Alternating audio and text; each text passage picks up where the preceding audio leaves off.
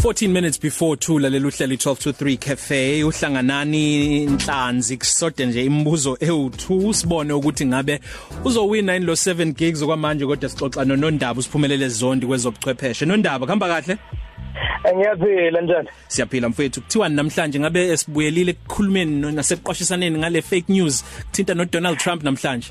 Eh, sibuyela khona ngoba yakhumbula ukuthi sigcina ukukhuluma ngalolu daba um ishilo lezi inkampani zazi izinkundla zokuxhumana ukuthi um bafuna ukulwa nakho lokho ukubhebhetheka uh, kweindaba ezingamanga einkundleni zokuxhumana. Mm. ungathi manje na ke sebebhekene um nabaphathi bamazwe omongameli bamazwe athize kakhulukazi yena uDonald Trump wasemeleka ngoba uyazi uyazi ukuthi uyawuthanda lo Twitter wakhe. Uhlalesho zonke izinto lezi ku Twitter wakhe. Kanti uma ngabe ngasahambisani naye ajike futhi azothi i-fake news ngoba uyena waqhamuka naleli temo elagcina selidumile lokuthi fake news ngoba izinto abantu mabezesho izinto ezingahambisani naye.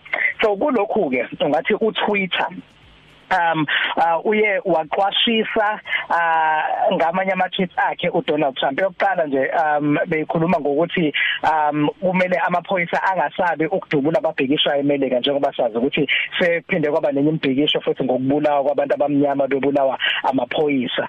Um uTwitter waqwashisa ke wathi ukuthi angeke ayisuse ngoba kuba omunye umuntu angithi ke ekhalo ngokuthi ubuya wasusa amanye ama tweets mengabe kuthiwa nodlame phakathi.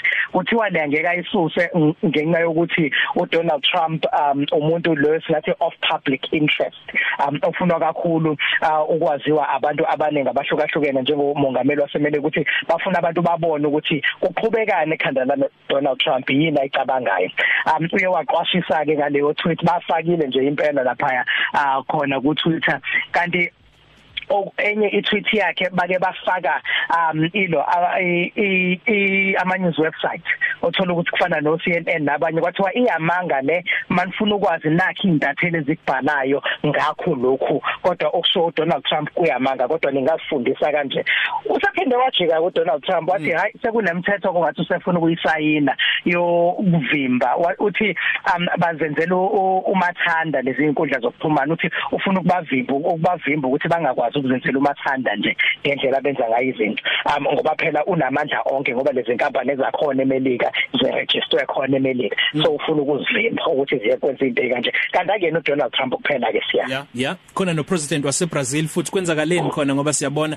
Engathi sekuyisizinda ke iCovid-19 ihlasela khona kakhulu. Kwenzakaleni okuthinta yena ku Facebook Mhm uJair Bolsonaro upresident Bolsonaro ke na wase Brazil uke wathi njengoba uqeda ukusho nje ukuthi ke sekuyizinda se COVID-19 lapha eBrazil njengoba sekutholakala ukuthi kushona abantu abangaphezulu kwa 1000 izinsuku zonke ngenxa yalesifo eBrazil kusukela ngolesibili ledlule um upresident Bolsonaro wake wabhala ke ku Facebook wakhe ke yena wathi ngathi selitholakele ikhambi le COVID-19 wabuye uFacebook wayisusa leyo post yakhe upresident Bolsonaro bathi ayikho into enjalo. Ingamanga yikho beyisusile le post yakhe upresident Bolsonaro ngoba bethi um kungafa abantu abaningi becabanga ukuthi hayi selikhona ikhambi. Beyitshela ukuthi uma ngabe kungenzeka besithola lesifo bazokwazi ukulithola ikhambi. Bathi ngeke mongameli. Ayikho lento oyishoyo siyayisusa le post yakho ngoba izobulala igidi zabantu. Okugcina kuyiqiniso ukuthi uMark Zuckerberg ka Facebook eh uInstagram eh no WhatsApp ukuthi uthe ama social networking sites akumele ehambe lokubuza ubuqiniso bezinto ezikhona lapho. Kuyiqiniso ngempela lokho?